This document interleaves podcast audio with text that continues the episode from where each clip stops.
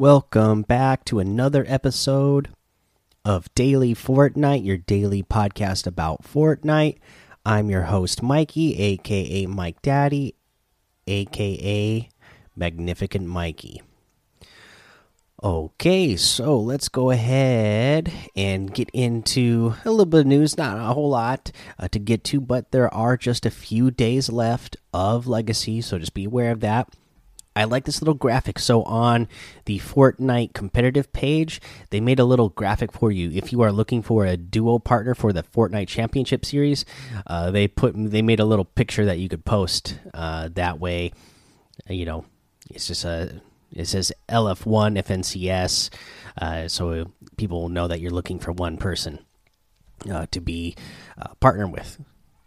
So cool little deal that they put out there. And then uh, I, I wanted talk about this little creative post. They've been doing these, and sometimes I've missed them, but I noticed this one, so I'm going to read it. It's the cop, top creative games in February by the Fortnite team. Hey, Fortnite creative developers, we're celebrating another month of Fortnite creative games by sharing some of the most played islands in February.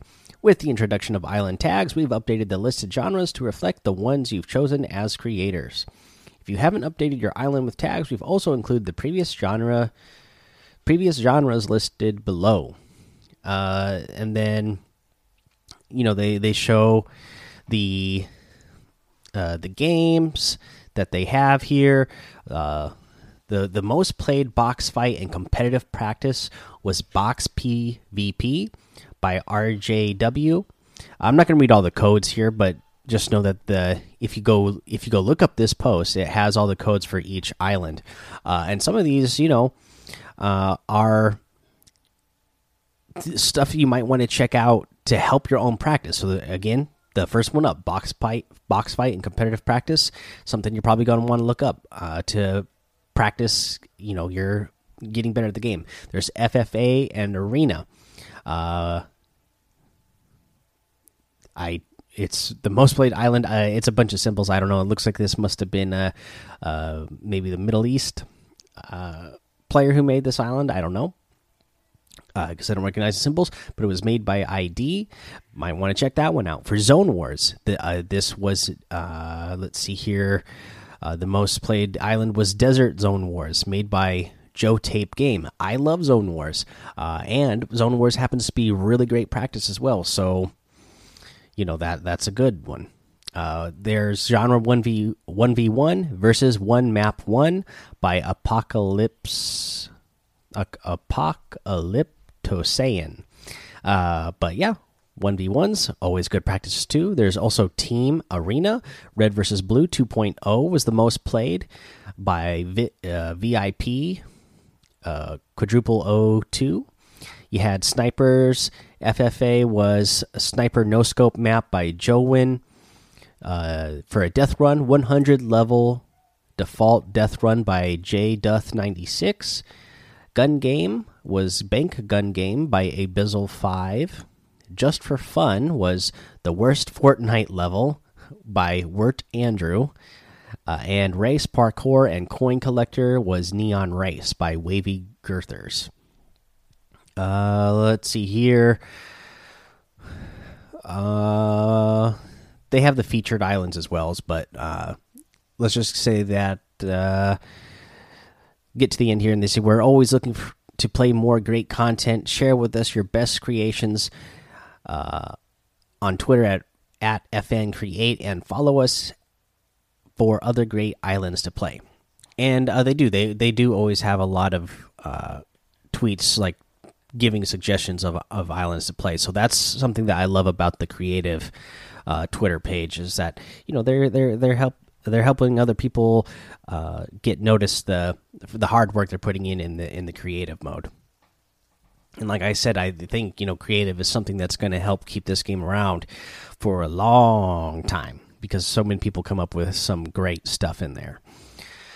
Uh, let's see here. Uh, let's go ahead and uh, move on to a weekly challenge tip for dealing damage to bosses. Same deal, guys. Uh, you know what? Use those uh, decoy grenades to help you out a little bit so that you take a little bit less damage from those guys. Uh, also, you know, there uh, sometimes they can be a little bit more slow moving. If you if you just uh, you know build up, you know build build yourself a wall and a ramp uh, and peek uh, around it, you should be all right. Uh, you have to deal 500 damage total. Uh, from what I've heard from people, it seems like uh, if you go get Meowscles at the yacht or uh, Brutus at the grotto, people seem like they're having the the easiest time de dealing damage to those ones, just from uh, what I've uh, been hearing around. So if you're having trouble with them, you might try go to those spots and see if it's easier for you. It might not be, but uh, you know, try it out. Uh, let's see here, guys. Let's go ahead take our break here. We'll come back and we'll go over the item shop and uh, a little tip of the day.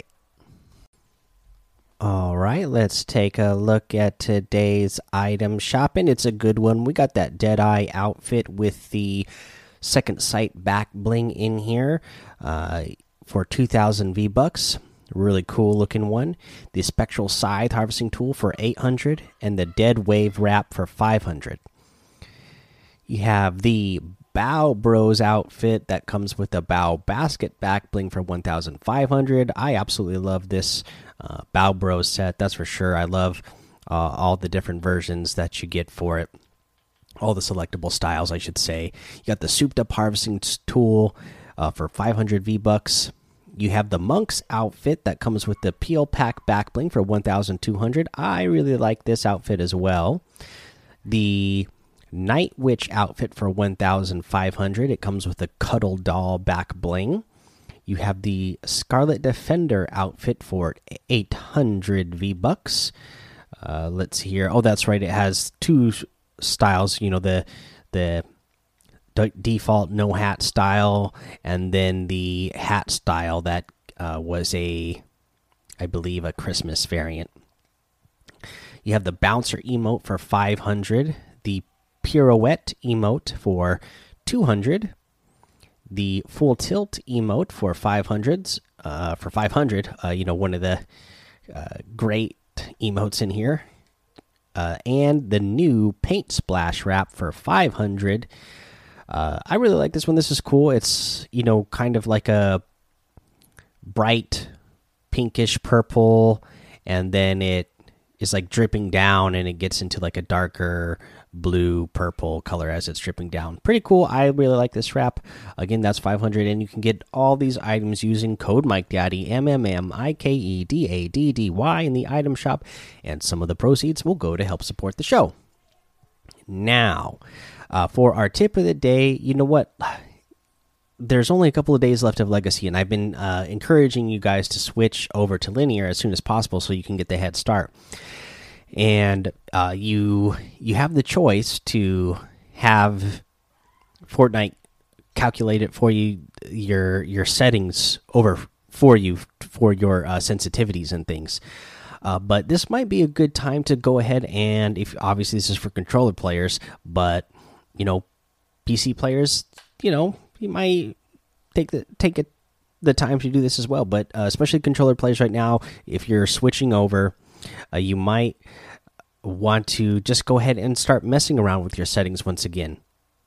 You know that you you might realize that uh, you know you've you've you've advanced farther uh, in your skills uh, than you realize, and you could take advantage of it by you know maybe upping your sensitivity.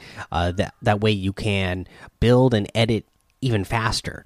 Uh, this might be, you know, if it if you've been on one setting for a long time, you know this might not work out for you. You might find out, oh, you know what, uh, this is too much. I can't keep up with my own. I can't keep up with what's happening on the screen. But you know, if you've if you've been stuck on one sensitivity for a long time that isn't very high, uh, you you know you might not even know right now that that you've that you've improved enough that you you you can handle going uh, bumping it up a little bit that's my suggestion. I would just try it out, especially since uh, the settings aren't going to be exactly perfect when you uh, when you first switch over, anyways.